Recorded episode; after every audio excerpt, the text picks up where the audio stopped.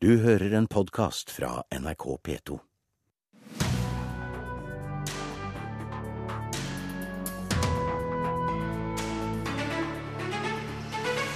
Debutantfilmer får for mye pengestøtte, mener produsenten bak Kon-Tiki. Han frykter det går utover de etablerte regissørene. Jonas Gahr Støres uttalelser om ytringsfrihet er en avsporing, mener redaktøren i ukeavisen Ledelse. En svært viktig avsporing, mener den politiske redaktøren i DN, og de to er klare for debatt her i Kulturnytt. Interessant og kunnskapstung bok om krise og populisme, sier vår anmelder etter å ha lest 'Europeere' av Yngve Ekern, som ble lansert i går. Og dette er eh, blant sakene her i Kulturnytt i Nyhetsmorgen med Ugo Fermariello i studio i dag. I løpet av en tiårsperiode har 63 regidebutanter aldri laget spillefilm igjen. Det viser undersøkelser Kulturnytt har gjort. Åtte av de ti norske filmene som har premiere denne våren, er laget av nettopp debutanter. Altfor mange mener filmprodusent Åge Aaberge, som frykter satsingen går på bekostning av de mer etablerte regissørene. Hvis en av oss kom til å være utro, så ville det vel vært meg? Ja, ikke sant? Jeg er jo ikke typen til det. Det er jo skrekkblanda. Jeg har bare veldig lyst til å få vist filmen nå. Nå er det på tide at den kommer ut. På fredag debuterer regissør Charlotte Blom med sin første spillefilm, komedien 'Staying Alive'. Forhåpentligvis den første av mange filmer fra det prisbelønte regitalentet. Jeg håper jo at jeg får også muligheten til en kontinuitet, da. Og uten kontinuitet hadde ikke Imitation Game-regissør Morten Tyldum vært der han er i dag dag, mener filmprodusent Åge Aaberge. Veldig mange av de største, faktisk, som uh, kanskje først har blomstra når de har laga sine film nummer fem og seks og sju. Aaberge står bak bl.a. Oscar-nominerte Kon-Tiki, og satt som styremedlem i Filminstituttet for seks år siden.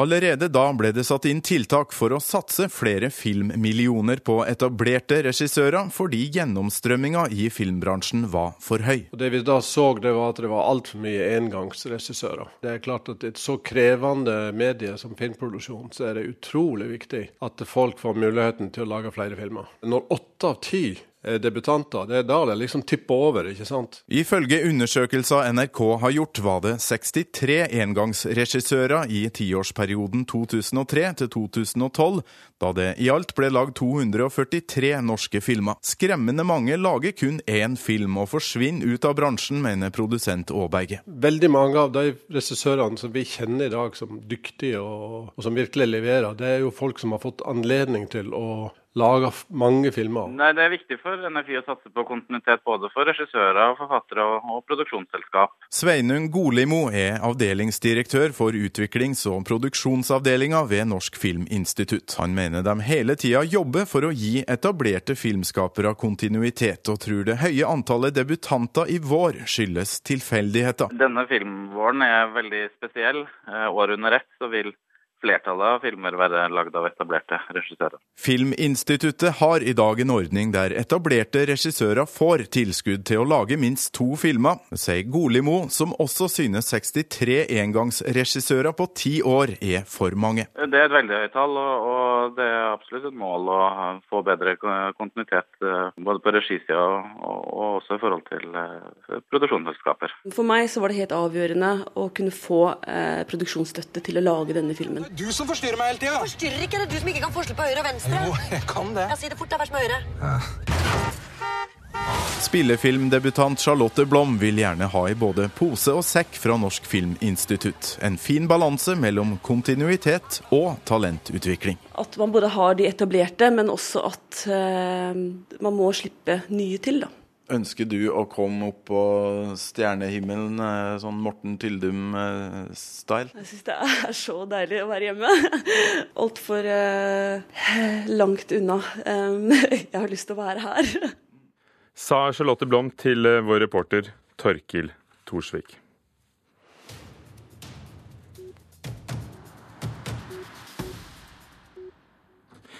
Arbeiderpartileder Jonas Gahr Støre har fått eh, skarp kritikk for sin tvetydige retorikk etter terrorangrepet i Paris. Særlig uttalelsene om at han ikke vil stå opp for retten til blasfemiske ytringer. I Aktuelt på NRK2 i går kveld måtte Støre forklare for en skremt venstreleder Trine Skei Grande hva han egentlig mener. Jeg er for kompromissløst ytringsfriheten vi har i Norge. Det jeg reagerte på, var veldig uttalelsen til Dagens Næringsliv f.eks. om at det ikke er viktig å stå opp for retten til å drive blasfemi, som jeg syns var en skummel uttalelse. Fra TV i går kveld. Magne Lerøe, redaktør i ukeavisen Ledelse. I går kalte du hele viraken rundt Støres retorikk for en avsporing i debatten om ytringsfrihet. Hva mener du i dag? Ja, det, det, holder jeg virkelig fast på. Det er jo absolutt ingen grunn til å så tvil om hvorvidt Støre står opp for ytringsfriheten på lik linje med alle andre politikere. I går i debatten med Trine Skei Grande så, så, var de jo 100% enige om, om, absolutt alt de sa. Så forsøk ut ifra én enkelt setning å tolke den der som han nå vil så tvil om ytring, ytringsfriheten, det er liksom sånn som så, sånn så de inkvisitører holder på med. Det er absolutt ingen grunn. Og et eksempel på at vi får en ny debatt som blir helt provinsiell mens de andre land diskuterer virkelig de viktige spørsmålene, så diskuterer vi her liksom et setning fra Støre. Så altså nærsynt og på siden kan altså journalistikken ende. Kjetil B. Alstaheim, politisk redaktør i Dagens Næringsliv. Du har skrevet at Støres tvetydige retorikk har vært sjokkerende. Hva mener du etter debatten i går på TV? Eh, jeg syns det er bra at han er blitt tydeligere. Eh, han, tydeligere, han var tydeligere i, i, debatten i går, og han var tydeligere i forsvaret for ytringsfriheten i det innlegget han hadde på trykk i Dagens Næringsliv på lørdag. Men han var ikke tydelig da han var i Dagsnytt 18 her i NRK på torsdag eh, kveld. Og han var ikke tydelig i det intervjuet han ga med oss som vi hadde på trykk på, på fredag. Der var han veldig opptatt av, av å snakke, si først at vi skal forsvare ytringsfriheten, men så var han veldig opptatt av er, å si at det er ikke et ideal å krenke. Han var mer opptatt av å beskytte noen mot en krenkelse mot, eh, enn det å, å stå opp og forsvare det Eh, disse tegnerne i Paris hadde gjort, nemlig å bruke sin ytringsfrihet, bruke den til religionskritikk, bruke den til kritikk av religiøse dogmer. Og dette kommenterte du i Dagens Næringsliv. Er det kanskje uh, Alstaheims og andres rolle som inkvisitører som har fått Støre til å bli tydeligere? Lerøe? Nei, det, det tror jeg faktisk ikke. For at jeg forsto utmerket godt hva han mente. For Vi har jo også en debatt nå ikke sant, mellom, mellom, redaktører om hva som er riktig. Vårt Land og Dagsavisen har valgt en annen holdning, har uttrykt seg her på en annen måte enn det en andre redaktører. Det er også blitt kritisert, eh, har han også kritisert på, i samme kommentar. Hva Helge, hva Helge Simonnes har skrevet. Det er direkte feil. Det er direkte feil. Jeg har ikke kritisert Vårt Land for at de ikke publiserer eh, satiriske tegninger om religion. Det syns jeg er helt greit. Det er et valg de må gjøre. Du har kritisert uttalelsen fra Helge Simones, måten ja, du skrev dette her på. Han, ja. Simones, det er akkurat det samme. Simon, det, er, det er en semantisk diskusjon. Simones skrev at, hva, hva mente du? Simones skrev at disse satirikerne var plassert på gullstol. De er ikke blitt plassert på gullstol, de er blitt skutt.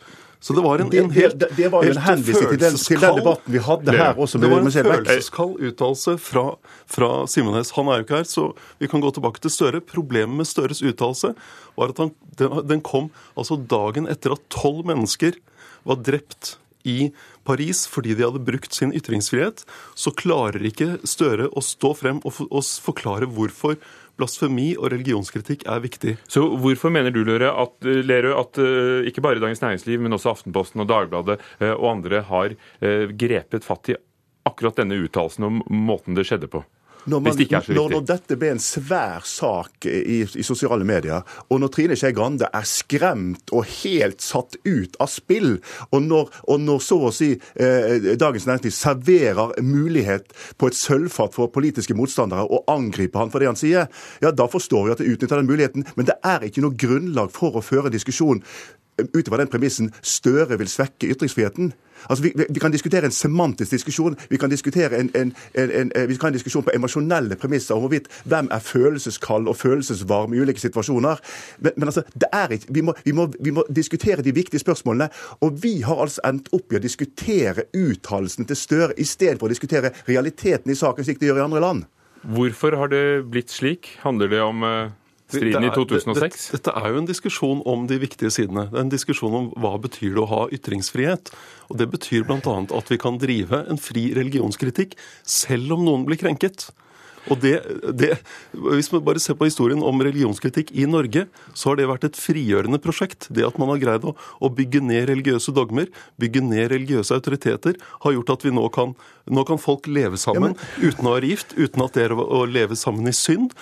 Barn kan bli født uten Men, men, om uten at, det er uekte barn. men handler dette bare om ordene Støre velger? Fordi eh, Nei, det handler om han sa jo det- også at hensynet til ytringsfrihet veier alltid tyngre enn hensynet til religioners anseelse. Problemet med Støre er at han har så mange setninger at man ikke helt vet hvilken han legger mest vekt på. Hvem skal sette grensene? Eh, Er, det, er dette som Alstein påpeker i sin kronikk, er det ikke også et tilfelle at, at det blir fort gjort å la de krenkede sette grensene for ytringsfrihet? Nei, det kan man ikke tolke ut ifra det. det altså, Støre sier jo i intervjuet til Dagens Næringsliv at man har rett til å krenke.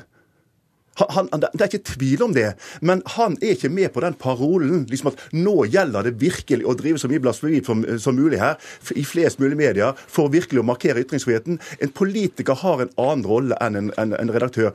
Støre blir i en fortettet emosjonell stemning sårbar når han forsøker å nyansere, når han, når han forsøker å ha to, to tanker i hodet samtidig. Det er mye enklere å ha én tanke i hodet samtidig, og bare kjøre på den linja som Alstaheim her og de andre politikerne har kjørt på nå. Støre forsøker å nyansere og gripe fatt i å forklare hvorfor han da uttalte seg som han gjorde også i 2005, da vi hadde vår, kar, eh, vår, karikaturstrid. Og da, da, da, er det lett å misforstå. Men det er ingen grunn til å påstå at Støre vil svekke ytringsfriheten i Norge. Blir det et politisk spill rundt Støre? Er det, er det det dere vil belyse Støre som politiker, mer enn å ta fatt i debatten? Ja, jeg må bare si at jeg er enig i at Støre har en annen rolle enn en redaktør. og Det er, er nettopp noe av problemet her. at han på et tidspunkt da det, det ville vært riktig av ham å stå opp og forklare hvorfor vi har ytringsfrihet, hvorfor den må være eh, så vid som den skal være, så gikk han inn og ble en slags smaksdommer om var, hvordan det var riktig å bruke ytringsfriheten. At det ikke var et ideal å krenke. Det er jo nettopp krenkelser eh, et satiremagasin eh, jobber med, provokasjoner. Og det er klart, Dagen etter et sånt angrep på ytringsfriheten i Paris, så det, ville det vært riktig av ham å være mye klarere på at det er ytringsfriheten har- har som han- gjelder. har han kritisert tegningene? Men det, det, som er, det som er poenget i den debatten, er jo at han er blitt klarere etter hvert. Og han var tydeligere i går enn det han var eh, på torsdag. Ja, og, eh, det, det er da godt. altså Når han blir så til de grader blir misforstått, så skal det ikke mye til at han greier å presisere. Magne Lerøe, Ukavisen Ledelse, Kjetil B. Alstaheim, politisk redaktør DN, takk for at dere kom. Kvart over åtte er klokken blitt. Du hører på Nyhetsmorgen i NRK. Overskriften i dag. Bedrifter som ikke tar imot lærlinger, får ikke oppdrag fra staten fremover. Regjeringen endrer regelverket. Unge muslimer som reiser til Syria og Irak for å krige, utgjør ikke en så stor terrortrussel i Europa som mange har inntrykk av, mener amerikanske forskere. Over hele landet ligger folk rett ut med oppkast og diaré. Omgangssyke går som en farsott. Og senere i Kulturnytt anmelder vi boken 'Europeere' av journalist og forfatter Simen Ekern. Norsk Presseforbund begynner denne uken arbeidet som eh, har som eh, formål å tillate bloggere å knytte seg til den såkalte Vær varsom-plakaten. Flere bloggere ønsker nå å nettopp å ta del i pressens etiske regelverk for å få et slags kvalitetsstempel på sin blogg. Det er mange som er sine egne utgivere, eh, selvstendige utgivere. Og, og vi ser også at mange av de har et behov for å vise at de driver skikkelig eh, journalistikk. Det sier generalsekretær i Norsk Presseforbund, Kjersti Løken Stavrum. Denne uken starter Presseforbundet arbeidet som tar sikte på å la bloggere knytte seg til Vær varsom-plakaten. I praksis handler det om å få muligheten til å merke bloggen med et presseetisk symbol. Og da ønsker vi også å åpne for at de skal kunne gjøre det. Ikke bare i ord, men også demonstrere helt konkret at de støtter opp om Vær varsom-plakaten. Dette kommer som et apropos til, snarere enn en reaksjon på at det ble avslørt at blogger Caroline Berg Eriksen har retusjert bilder av seg selv, og at mannen hennes har kommentert innleggene hennes under falsk navn. Det er det nemlig full anledning til for dem i dag, fordi bloggen ikke er noe journalistisk produkt. Hadde den derimot vært det, og underlagt pressens etiske regelverk, kunne Berg Eriksen i prinsippet blitt felt i PFU. Da kan man i hvert fall eh, klage det inn hvis man er usikker. Kjetil Manheim, som er daglig leder for Norges største bloggsamfunn, blogg.no, er positiv til en eventuell merkeordning. Jeg synes det er en veldig interessant utvikling, og jeg tror det viser at bloggene er i ferd med å bli et mer etablert medieprodukt. Likevel legger Manheim vekt på at merkeordningen må være frivillig. Ja, det er helt nødt til å være en frivillig ordning. Eh, for bloggsfæren omfatter alt fra en twittermelding eh, til, en, til en tung blogg som, som eh, har sitt daglige virke i en avis. Så, så det må være en ordning hvor den enkelte blogger melder seg inn. Det er allerede en rekke bloggere som er interessert i å bruke Presseforbundets merke dersom de får tillatelse til det. En av dem er Thomas Moen. Jeg personlig tror at jeg blir tatt mer seriøst hos de leserne jeg ønsker å nå ut til. Og det blir lettere for meg å måle meg opp til om dette er noe jeg står for eller ikke, rett og slett. Og reportere her var Marie Røsland og Petter Sommer. Forrige uke hadde Alf Hildrum sin siste arbeidsdag som redaktør for TV 2, der han har vært sjef siden 2007. I dag blir han takket av med en mottagelse med næringslivsledere, politikere og andre mediepersonligheter. Alf Hildrum, velkommen. Takk. Hva har vært eh, den største utfordringen for deg i tiden siden 2007 som TV 2-sjef?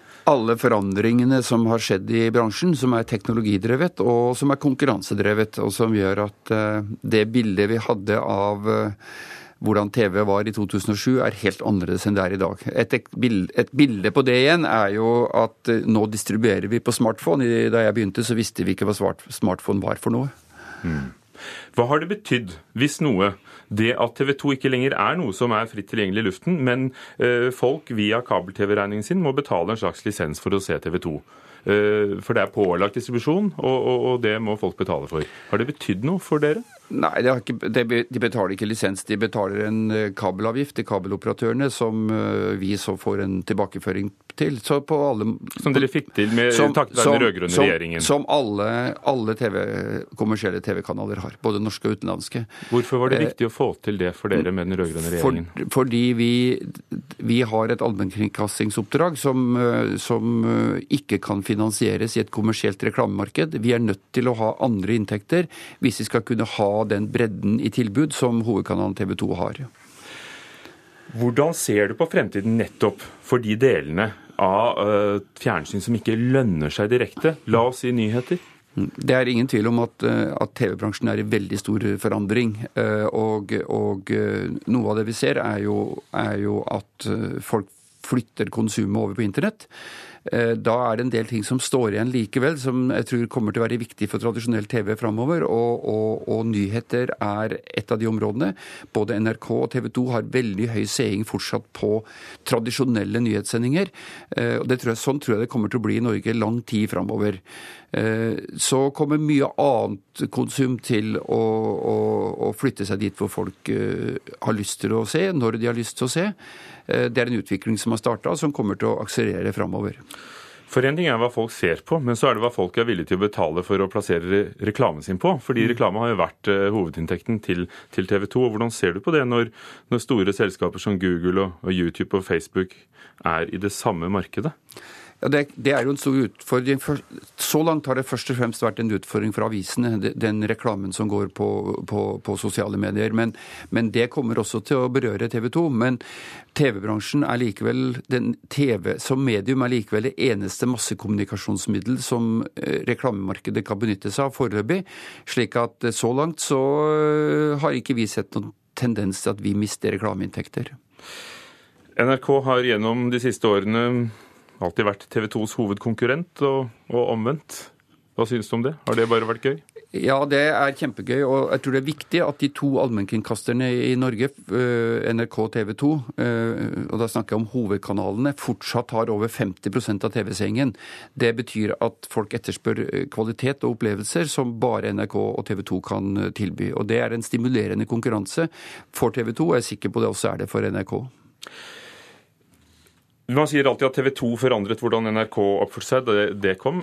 Er det noen eksempler på det motsatte? At, at NRK trekker TV 2 i en annen retning enn ellers ville gått? Ja, det, det, antar jeg. Eh, det er ikke så lett å analysere hver enkelt programpost, men det at konkurransen stimulerer hverandre, at vi ser at NRK gjør gode ting, og at, vi, at NRK ser at vi gjør gode ting, det, det, påvirker naturligvis ikke bare NRK, det påvirker også TV 2, helt åpenbart. Alf Hildrum, du blir takket av i dag som TV 2-sjef. Du fortsetter der i noen måneder til. Hva skal du etterpå?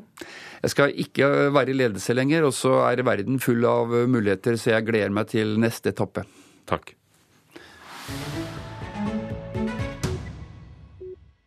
Trøndelag Teater setter opp en nyskrevet musikal om konflikter og kjærlighet og undring. Og det å lage Påfuglen, en urettferdig familiemusikal, har vært drømmen lenge, sier regissør Tyra Tønnesen. Men mamma, du får ikke lov til å dra. Mamma, du vet vel ikke Du klarer ikke det her uten at du vet det. Mamma! Mamma! Skjønner dere ingenting? Er dere helt idioter? Skjønner dere ikke at vi kommer til å dø hvis ikke jeg gjør noe? Påfuglene er fattige og ildfulle. Hundene er rike og kaldere. Trøndelag Teater dyrker spørsmålet om hva som skjer når ulike måter å tenke på møtes på godt og vondt. Det å tåle at det finnes andre mennesker i verden i det hele tatt, er jo litt vanskelig. At noen andre gjør ting på en annen måte enn jeg ville gjort det. At mannen min gjør ting på en annen måte enn jeg ville gjort det. Eller at naboen som kommer fra et annet land gjør ting helt annerledes enn oss. Det er slitsomt og krevende og vanskelig. Og det er også veldig gøy. Og det er det vi prøver å få fram her. Er håp her? Ja, jeg tror det er håp. Men vi prøver ikke å gjøre det enkelt. Sier regissør Tyra Tønnesen. Jeg vil si at verden er urettferdig. Det har plaga meg fra jeg var veldig liten. Og hvordan skal vi forholde oss til det? Vi har ett sett av regler innenfor våre landegrenser, innenfor vår familie, hvor ting er eh, normalt og trygt. Og så finnes det en ekstremt utrygg verden utenfor. Og det paradokset er veldig påtrengende. Og kanskje ikke ja, Barna syns det er påtrengende. Det er vanskelig å forklare ungene sine hvorfor det er sånn. Hvorfor får ikke jeg lov å si dum til noen i klassen min, mens andre får lov å drepe barn andre steder i verden? Dette blir et møte mellom fattig og rik, øst og vest, på mange plan. Min kultur er mye bedre vet du, enn Therese. Nei, jeg tror det. Men eh, hva vi får? Vi får en blanding av forskjellige kulturer. Vi får en blanding på godt om. Ja, når det gjelder musikken, så har jeg eh, vært inspirert av selvfølgelig balkanmusikk, i og med at jeg kommer derfra, men også av alle andre eh, musikksjangere som jeg har vært innom i løpet av de her 20 årene siden jeg flyttet til Norge. Sier musikalsk leder Jovan Povlovic. Han og Tyra Tønnesen har gått svanger med ideen i flere år. Arbeidet med dette stykket er herlig, sier skuespiller Marianne Meløy. Vi har hele tida visst liksom, fått ut ifra manuset hvor skal vi hen. Og vi har sterke mål som karakterer når vi både er fugler og hunder. Og... Men vi finner på tekst underveis, og, og det har vært, også har vi brukt mye tid på å snakke om eh, viktige ting. Om hva som er rettferdighet og urettferdighet. og ja, det her har vært ei prøvetid som har vært en av de artigste jeg var med på. Sa Marianne Meløy, og reporter var Lars Erik Skjærseth. 'Påfuglen', en urettferdig musikal, har premiere på Trøndelag Teater 23.1. I går lanserte journalist og forfatter Simen Ekern boken 'Europeere', om krise og populisme i Europa. Vår kritiker er Leif Ekle. Hva skal vi med dette Europa? Hva vi nå mener med begrepet, utover en noenlunde greit avgrenset verdensdel. Den europeiske unionen, eurosamarbeidet, eller en samling nasjonalstater som helst vil hjem til seg og stenge døra. Spørsmålet blir ganske godt og nokså grelt etter hvert som man leser seg gjennom Simen Ekerns bok Europeere, med tittel lånt fra Henri Cartier-Bressons berømte fotobok fra 1955, der den store fotografen hadde reist rundt i fem år etter andre verdenskrig og fotografert nettopp europeere. Journalisten Simen Ekern har hatt et europeisk fokus siden han dro til Brussel seint på 90-tallet for å studere og ta del i det da så eurooptimistiske Erasmus-programmet, det som skulle skape en ny generasjon av grenseløse unge europeere. De reisene han tar leserne med på i denne boka, har skjedd i et Europa der stemningen har snudd. En truende eurokrise, der spørsmålet har vært hvilket land som møter fallitten først. Blir det Hellas, Spania, Portugal eller enda verre EUs tredje største økonomi, Italia? En stadig voksende skepsis i mange land til så vel ideen om et samordnet, for ikke å si føderalt Europa, som til Tyskland som ledende motorkraft, og til svekkelsen av de gamle nasjonalstatene. Samtidig Framveksten av et stort antall populistiske bevegelser i sterk opposisjon til de etablerte politiske systemene og partiene. Alt har utviklet seg i en grad man knapt kunne forestille seg for 10–15 år siden. Det er dette Simen Ekern skriver om, og han gjør det med stor innsikt, enda større mengder kunnskap, koblet med observasjonsevne og øye for detaljer. Det er ingen lystelig beretning han gir leseren, heller ganske skummel, selv om den også er riktig morsom iblant. Sterke, populistiske, ofte direkte reaksjonære politiske bevegelser som skal rydde opp, er sjelden hyggelige. Ekerns styrke er at han har møtt dem, lederne og noen tilhengere, og lar dem snakke. Det er til å bli klok av. Skulle jeg ønske noe annerledes i denne boka, bortsett fra en runde til med språkvask, så måtte det være at Simen Ekern gjør sitt eget ståsted som forteller tydeligere, tør analysere mer underveis, trekke noen flere konklusjoner. Stoffet kan han. Særlig i de første delene av boka synes jeg ironiske over- og undertoner og tilløp til sleivspark av samme type kunne vært skiftet ut med klar tale. Som antydet blir det bedre etter hvert, ikke minst når vi kommer til Italia. Dessuten, kapitlet om Frankrikes nasjonal Front og dets leder Marine Le Pen er fascinerende lesning, særlig lest i et historisk perspektiv for utvikling av moderne høyrepartier i Europa, Norge inkludert. Veien tilbake til nasjonalstaten ser ikke mindre kronglete ut etter å ha lest Ekerns oppsummering. Sa anmelder Leif Ekle om europeere av Simen Ekern. Som vi har hørt i Nyhetsmorgen i dag, kommer det franske satirebladet Charlie Hebdo ut på onsdag med en tegning av profeten Muhammed på forsiden som holder et skilt med teksten 'Jeg er Charlie'. Han har en tåre i øyet, og øverst på siden står det 'Alt er tilgitt'. Første nummer etter terrorangrepet blir oversatt til 16 språk og skal selges i 25 land, men det er fortsatt usikkert om det vil bli tilgjengelig i Norge. Teknisk ansvarlig for Kulturnytt i dag har vært Beate Haugtrø, produsent Thomas Alverstein Ove, programleder Ugo Fermariello. Du hører på Nyhetsmorgen i NRK, P2 eller Alltid nyheter. Klokken er straks halv ni. Du har hørt en podkast fra NRK P2.